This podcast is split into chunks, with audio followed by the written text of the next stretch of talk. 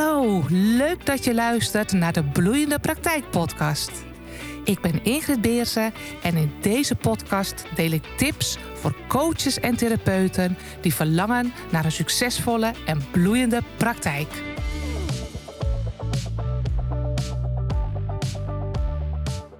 Waarom lukt het de een nou wel om zijn praktijk goed en succesvol van de grond te krijgen en bij de ander niet? Of blijft het maar sappelen of moet hij zelfs opgeven? Ik heb me er altijd uh, ja, wel heel erg toe aangetrokken toe die vraag. En zeker ook bij mij in mijn eerste jaar gehoopt dat daar een soort geheime recept voor was. Dat er zoiets was van, als je nu dit of dat doet of op die knop drukt, dan gaat het. Maar het antwoord is helaas niet zo simpel. En je ziet er eigenlijk of leest er ook niet altijd even veel over. Het is ook moeilijk om te vatten in een uh, social media post. Dus vandaar dat ik dacht, ik ga er een podcast over opnemen. En heel eerlijk, het is mijn visie. Alhoewel ik wel kan zeggen dat ik echt wel heel wat ondernemers heb geholpen. En ik daar echt wel een hele duidelijke rode lijn in zie staan. Want laten we hiermee starten. Ondernemen is gewoon super gaaf. En wat ben ik echt diep vanuit mijn hart blij dat ik ondernemer ben geworden. Het was bij mij niet uh, zoals 20 of uh, dat ik 30 was. Nee, ik was uh, eind 40 en toen dacht ik, nu moet het eigenlijk wel, ja, bijna bijna te laat voelde het. Maar nu moet het toch wel gaan beginnen dat ik het helemaal mijn baan opgeef en het ga doen. En zo'n eerste jaar, heel eerlijk, vond ik echt niet heel erg makkelijk. En misschien is het daar ook gelijk het antwoord met doorzetten ben ik daarna gigantisch gaan groeien. Maar ik ben zo ontzettend blij dat ik heb volgehouden. Dat ik ben gaan doen wat ik moest doen. Want het geeft mij zo ontzettend veel moois. Ik heb een gezin van vier kinderen samen met mijn man uh, Jack. En ik wilde er gewoon meer voor ze zijn. Dat lukt nu hartstikke goed. Mijn kantoor en trainingsruimte is een kilometer vanaf mijn huis. Het is gewoon bijna ideaal. Een heerlijke ruimte. En ik doe heel veel online werk. Dus met corona had ik ook allemaal niet zoveel eh, last. Maar ik ben vooral ook ontzettend als persoon gegroeid. Ik heb echt het gevoel gehad, wow, het gaat er een hele andere wereld voor mij open. Dat toen ik in, ja, eigenlijk in een organisatie eh, werkte als manager. Gedoe, politiek gedoe, collega's waarvan je dacht, nou, daar vind, ik, daar vind ik wel wat van. Of dingen waarvan je dacht, dat is toch een gaaf idee. Waar toen iedereen weer zijn plasje over moest doen. En dat werd het een soort halve aftreksel ervan. Dacht ik van, nou, ik heb iets gaafs. En nu is er maar een heel klein beetje van over. Want de hele politieke lobby zat, er, eh, zat ertussen. Nu kan ik echt doen wat ik wil vanuit mijn visie, op mijn voorwaarden. En ik heb genoeg tijd over. Er zit ook een heel fijn creatief stuk, vind ik, in het ondernemerschap. Nou, je hoort het, als ik er even over doorga, ben ik zo ontzettend blij dat ik het ben gaan doen.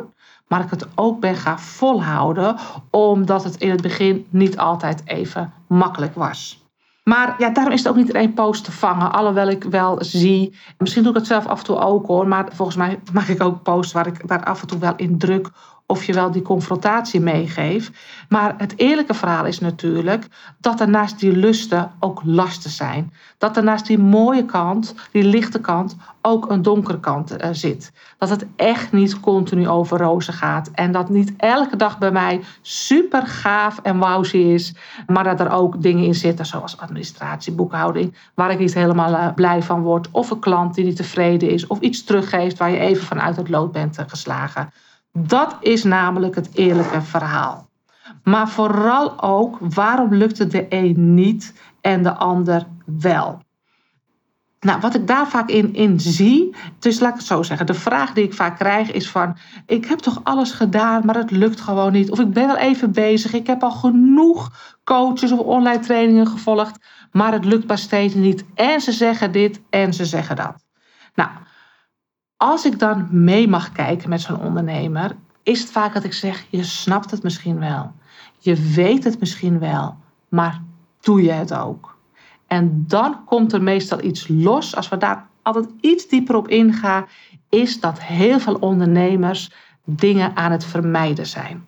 Enerzijds omdat ze toen ze starten ook wel, misschien heel eerlijk, niet goed gerealiseerd hadden wat erbij komt kijken om ondernemer te zijn toch al gedacht hebben, nou, wat ik in loondienst doe of in loondienst vind ik het niet meer zo leuk, nou, dan ga ik nu maar ondernemer zijn. Maar als ondernemer, ten eerste, heb je ook meer te verdienen dan dat je loondienst deed. Want ja, je hebt ook jezelf je pensioen op te bouwen. Je moet ook een buffer hebben voor eh, minder goede tijden. Je maakt ook kosten, dat doe je ook niet als je in loondienst bent. En je krijgt vakantiegeld en die mag je nu jezelf gaan uit, eh, uitkeren. Dus ja, even het reële plaatje. Als je zeg maar vier tot vijf dagen in je praktijk werkt, moet je echt wel, heeft ABN AMRO heeft dat een keer uitgerekend, 50 tot 60.000 euro omzet maken, wil je er een redelijke boterham uithalen. Dat, dat allereerst even. Daar merk ik al dat niet iedereen allemaal heel goed over na heeft gedacht. Maar op zich, als je gewoon zorgt dat je praktijk een goed systeem in zit, dat je het spel goed snapt, is dat prima haalbaar. Maar toch, hier zit vaak wel, uh, wel iets. Dat ze toch dachten van ja, mond-tot-mond reclame en dan komt het wel. Dan komt gerust wel op een gegeven moment, maar niet tot een niveau van die 50, 60.000 euro als je redelijk fulltime in je praktijk zou willen werken. Het andere is wat ik vaak zie of hoor of de vraag ook wel krijg. Ja, moet ik elke keer aan marketing doen? Of als het eenmaal staat, kan ik er dan wat minder aan gaan doen? En dat is ook het reële verhaal. Als je een eigen praktijk hebt, een eigen bedrijf, moet je niet alleen in je bedrijf werken, maar ook altijd tijd blijven vrijmaken om aan je bedrijf te werken. Ook daar vergissen we ons nog wel eens in. Want al gaat een maand lekker goed, dan kan je wel eens denken van, oh, ik heb geen tijd voor marketing of het draait goed. Marketing, zichtbaar zijn, werken aan het krijgen van klanten, doe je altijd nu om over één of twee maanden die omzet daarvan te krijgen, die klanten te krijgen. Dus als jij het in deze maand druk hebt en denkt, ik doe het maar even niet, betaal je de maand twee of drie erna de rekening daarvan en krijg je een dip. En dat is natuurlijk niet wat we willen. Dus is het antwoord vaak ja, en dat valt wel eens tegen. Je moet niet alleen in je praktijk werken, maar je moet ook tijd vrijmaken om aan klanten krijgen te gaan werken, om ze aan te trekken. Los van het feit dat je misschien ook nog wat extra opleidingen wil gaan doen in, in je vak. Of uh, nog andere dingen die er nog naast komen. Daarom moet je ook zorgen dat je een redelijke tot zeer goede omzet haalt uit het werken met klanten, omdat ook het werken aan je praktijk, tijd die, die declarabel is, omdat je accreditatiepunten moet halen of je opleidingen nog weer wil gaan volgen, je boekhouding, je administratie, dat moet daar ook van betaald worden ook weer even het reële beeld. Dat je gewoon nou ja, niet kunt denken zoals in loondienst. Hè, werkte ik zoveel uur en kreeg ik zoveel klanten. En dat dus om gaan slaan naar je bedrijf. Want daar zitten nog andere aspecten aan. Maar goed, de lusten en de lasten. Die gaan natuurlijk niet alleen over dit, hè, over het goed nadenken, hoe je je tijd indeelt en dat soort dingen. Maar de lasten, daarmee bedoel ik ook vooral, en daar laten we ons nog wel eens wat uit het veld slaan, is dat er gedoe op de lijn komt als je gaat ondernemen. ik zeg wel eens, ondernemen is niet alleen een strategie, maar is ook vooral een mindset. Ja, er komt nog wel eens wat gedoe als het gaat over mindset. Alle dingen die je misschien niet zo gewend bent in het leven voordat je ondernemer was, daar word je nu wel mee geconfronteerd als je ondernemer bent. En mensen die misschien wat van je gaan vinden, want je bent nu veel zichtbaarder die wat van je tarief gaan vinden, die wat van je zichtbaarheid gaan, uh, gaan vinden. Het kan zelfs zijn dat je ouders iets gaan zeggen. Of je broer of zus van nou, je bent wel alleen maar met geld bezig hè, nu je ondernemer bent. Of met geld verdienen. Of dat soort dingen, dat soort uitspraken. Ja, coaches en therapeuten kiezen in eerste instantie vaak voor een vak en voor een passie. Maar er moet ook echt brood op de plank. Dus ja, daar mag je je mee bezighouden. En daar kunnen mensen zich ook wel uh, wat van gaan vinden of van je tarief of noem maar, eh, noem maar op. Gedoe kan ook op de lijn komen omdat je wat zichtbaarder wordt. En misschien uitspraken doet waarvan je denkt dat is gewoon mijn visie op dingen. Heel eerlijk, in het begin ben je er altijd wat behoudender in en daar ga je vaak ook in groeien als ondernemer. Maar dan ga je aantrekken en ga je ook wat afstoten. Daar moet je wel tegen kunnen. Gedoe komt ook op de lijn als je wat dingen aan het opzetten bent. Je website, misschien wat online elementen. Techniek, uh, paniek hoor ik heel vaak. Laten mensen zich wat uit het veld slaan. Maar laatst werd ik ook alweer getriggerd dat een van mijn kinderen was bezig met een presentatie aan het maken. En die kwam stampvoetend beneden. Nou, ik hoorde het eigenlijk al boven. Boos en, ah, en dit en dat. Want zijn hele presentatie was eruit geklapt. En dan, ja, ben ik toch wel de moeder die dan zegt: Weet je, het is balen, mag je ook van balen. Maar wake up, Heb ik ook regelmatig. Heb ik mijn hele presentatie voor mijn webinar klaar. Nou, niet regelmatig, dat is overdreven. Maar ik heb het ook wel eens. En dan klapt hij eruit. Heb ik het tussendoor niet bewaard? Ja, ik weet dat dat moet, maar dan doe ik dat niet. Maar get grip, dit gebeurt. Het gebeurt dus al mijn kinderen als ze studeren. Het gebeurt uh, mijn partner als hij ergens mee bezig is met een fotoalbum laatst aan het maken voor mijn uh, moeder die in een uh, tehuis zit en allemaal mooie herinneringen ging hij daarin zetten en had hij een heel digitaal fotoalbum gemaakt. Oh, klapte dat er helemaal uit, kon hij opnieuw beginnen. En ik heb het dus ook wel eens met een webpagina die ik heb gemaakt voor mijn website of een webinar, een, een hele presentatie klaar. Het is shit, het is gedoe, maar het hoort er wel bij. Eigenlijk in alle dingen dus, zelfs in een, in een studentenleven dus. Maar heel vaak krijg ik dan eens terug dat iemand dan zegt van ik paal er zo van en het technisch gedoe en dan ben ik het helemaal kwijt. Zelfs mijn zoons die technisch nogal onderlegd zijn, hebben ook shit op de lijn op dat gebied. Maar het kan ook betekenen dat je inderdaad gewoon een aversie hebt tegen techniek. Nou, als dat zo is, denk ik altijd be prepared en besteed het dan uit. Vraag, ik vraag ook bij technische dingen. Ik heb één zoon die is er gewoon heel erg goed in. Die vraag ik gewoon, ah, als ik het niet snap of niet weet, kijk gelijk even mee. Mijn dochter is heel goed op Instagram. Daar vraag ik haar soms ook. Ik ben er inmiddels ook al vrij goed in. Maar nog niet van, niet, niet een top uh, Instagrammer. Hoeft ook niet. Maar dat ik toch zeg van, oh, hoe deed je dat ook weer met zo'n real filmpje plaatsen? Vraag ik het gewoon aan haar. Dus weet ook waar je jezelf mag, in mag behoeden voor teleurstellingen. Dus ze komen op je pad, gedoe komt op je pad, maar ken jezelf ook daarin. Als je geen technisch wonder bent, stel je vragen. Ga op YouTube kijken of zorg dat je iemand hebt die je af en toe eventjes kan helpen en hup, je zit weer op de rit. Ik had de laatste klant en die maakte het zichzelf zo moeilijk. Die was bijna een beetje boos op mij. Van wat een gedoe allemaal dat ondernemen. Ze zat in mijn programma nou ja, dan, ik weet dat ik er momenten zijn dat je mij er even niet leuk vindt. Of dat ik de boodschapper ben. Dat sommige dingen toch wel heel erg handig zijn en goed werken. Maar die natuurlijk best wel even wat gedoe heb je weer opleveren. Alleen wat ik bij haar zag, ik zei dit is wel heel vreemd. Zij zegt techniek, gedoe, ik heb er ook een aversie tegen. Ik ben helemaal niet technisch. Dat zei ze ook vooral heel erg hard tegen zichzelf. Ik vond het wel meevallen trouwens. Maar ze was ook nog eens perfectionistisch. En ze was dus iets aan het opzetten waar techniek bij kwam kijken, waar ze zelf de teksten van schreef en ze had ook nog heel erg perfectionistische inslag. Toen zei ik, wat verwacht je nu van jezelf? Je maakt het jezelf heel erg moeilijk. Ze wilde namelijk geen geld uitgeven en het moest op die manier. Ik zeg, het is hetzelfde als dat je met nieuwe lichte schoenen over een wei gaat lopen waar het net hartstikke geregend heeft en ook nog eens heel veel koeien staan. Heel veel koeienvlaaien liggen er. Maar het is ook nog sompig en modderig omdat het heeft geregend. En jij gaat met je nieuwe schoenen naar de overkant lopen. En aan het eind zeg je, nou, wat een tocht. Palen was het. En ik heb ze ook nog niet schoongehouden. Dat is hetzelfde als je heel technisch, heel, heel hekel hebt aan techniek. En je ook nog eens perfectionistisch bent. En dat wat zij aan het doen was, kwam het allemaal samen. Maar het toch lekker zelf doen. Ja, dan ben je voor jezelf ook gedoe aan het creëren.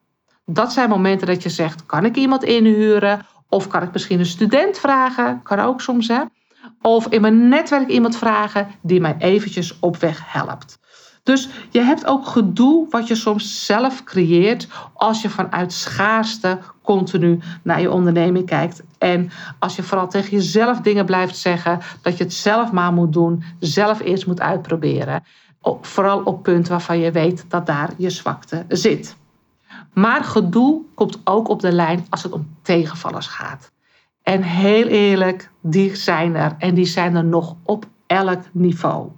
Bijvoorbeeld dat je zegt van nou, ik ga een lezing geven en er hebben zich twintig mensen opgegeven en zomaar drie van tevoren die zeiden af en één kwam eens niet opdagen.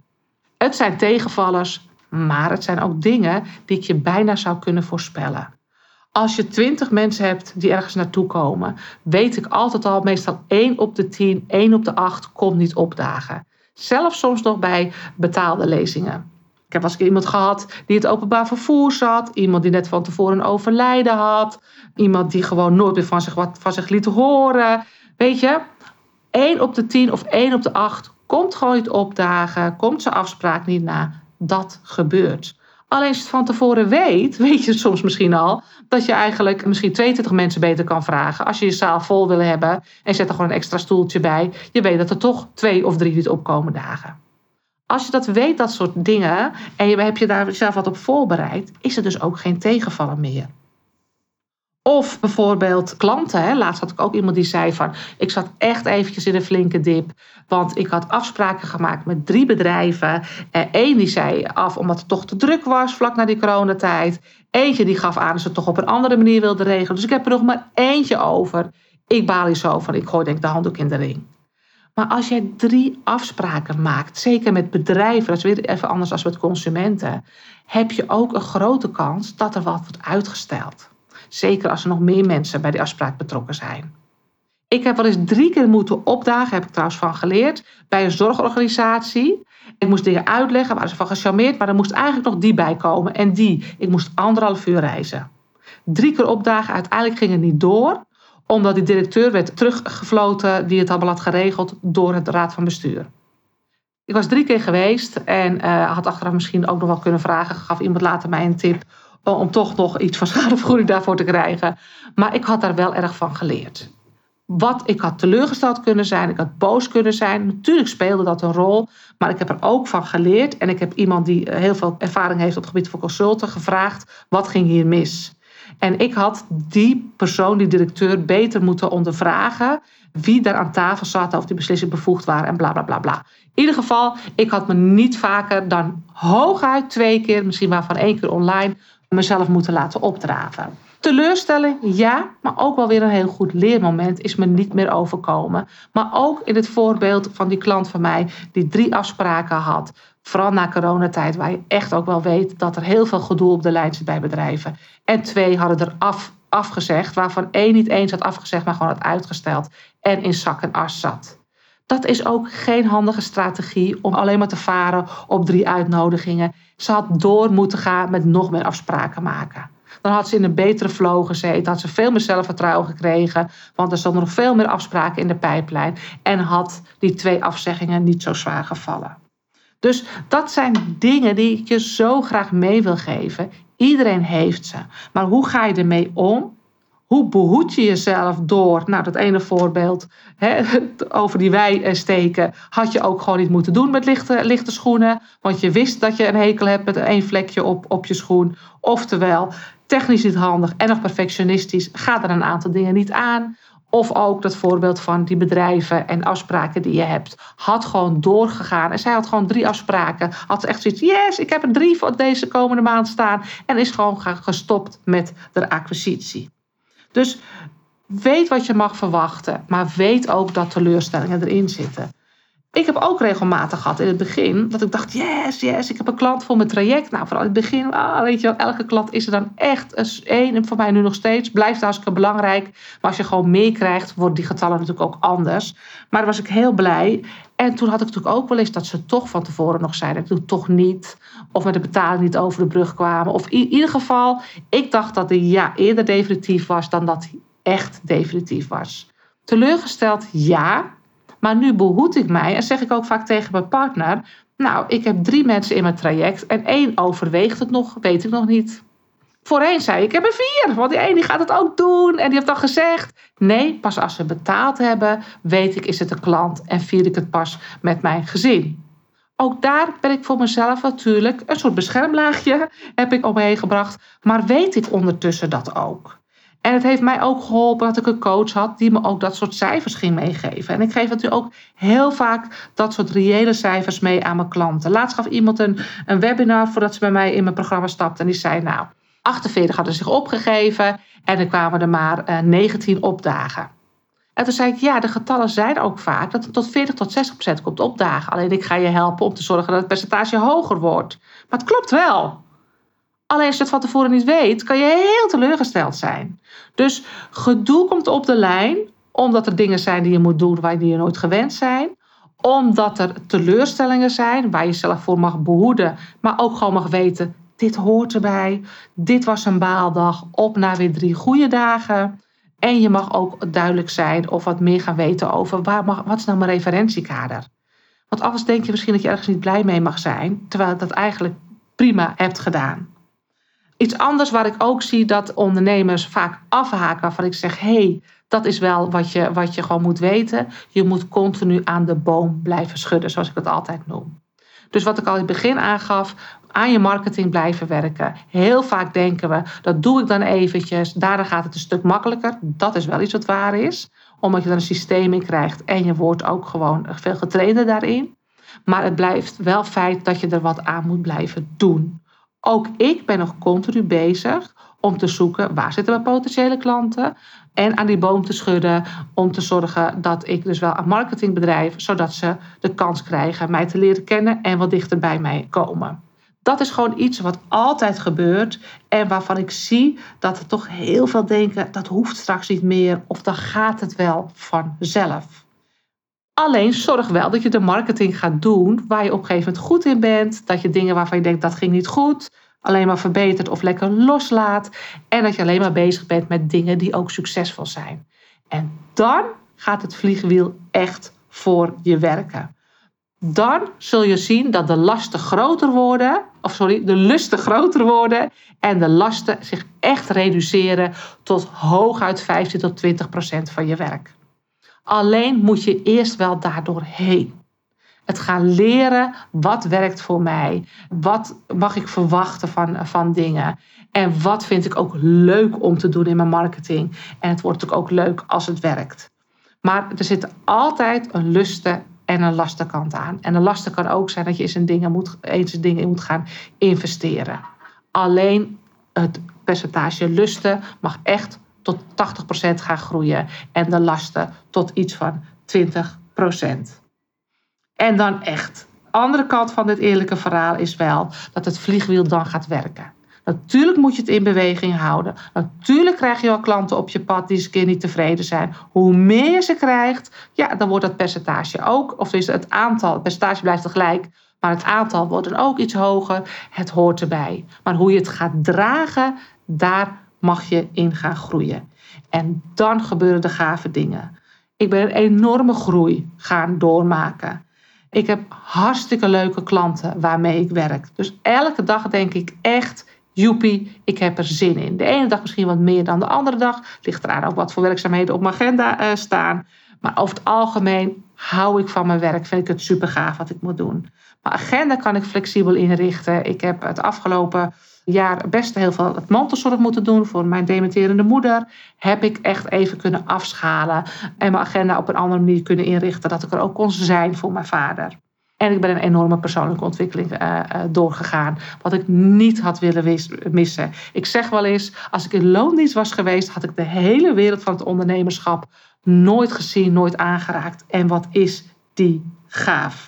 Met mijn baan was ik dit evenwicht echt helemaal kwijtgeraakt. Voelde ik me in een gouden kooitje zitten met best een fijn salaris. Maar ik was gekortwiekt. Ik vloog niet meer. Ik bloeide en ik groeide niet meer. Dus dat is echt de andere kant van het ondernemerschap.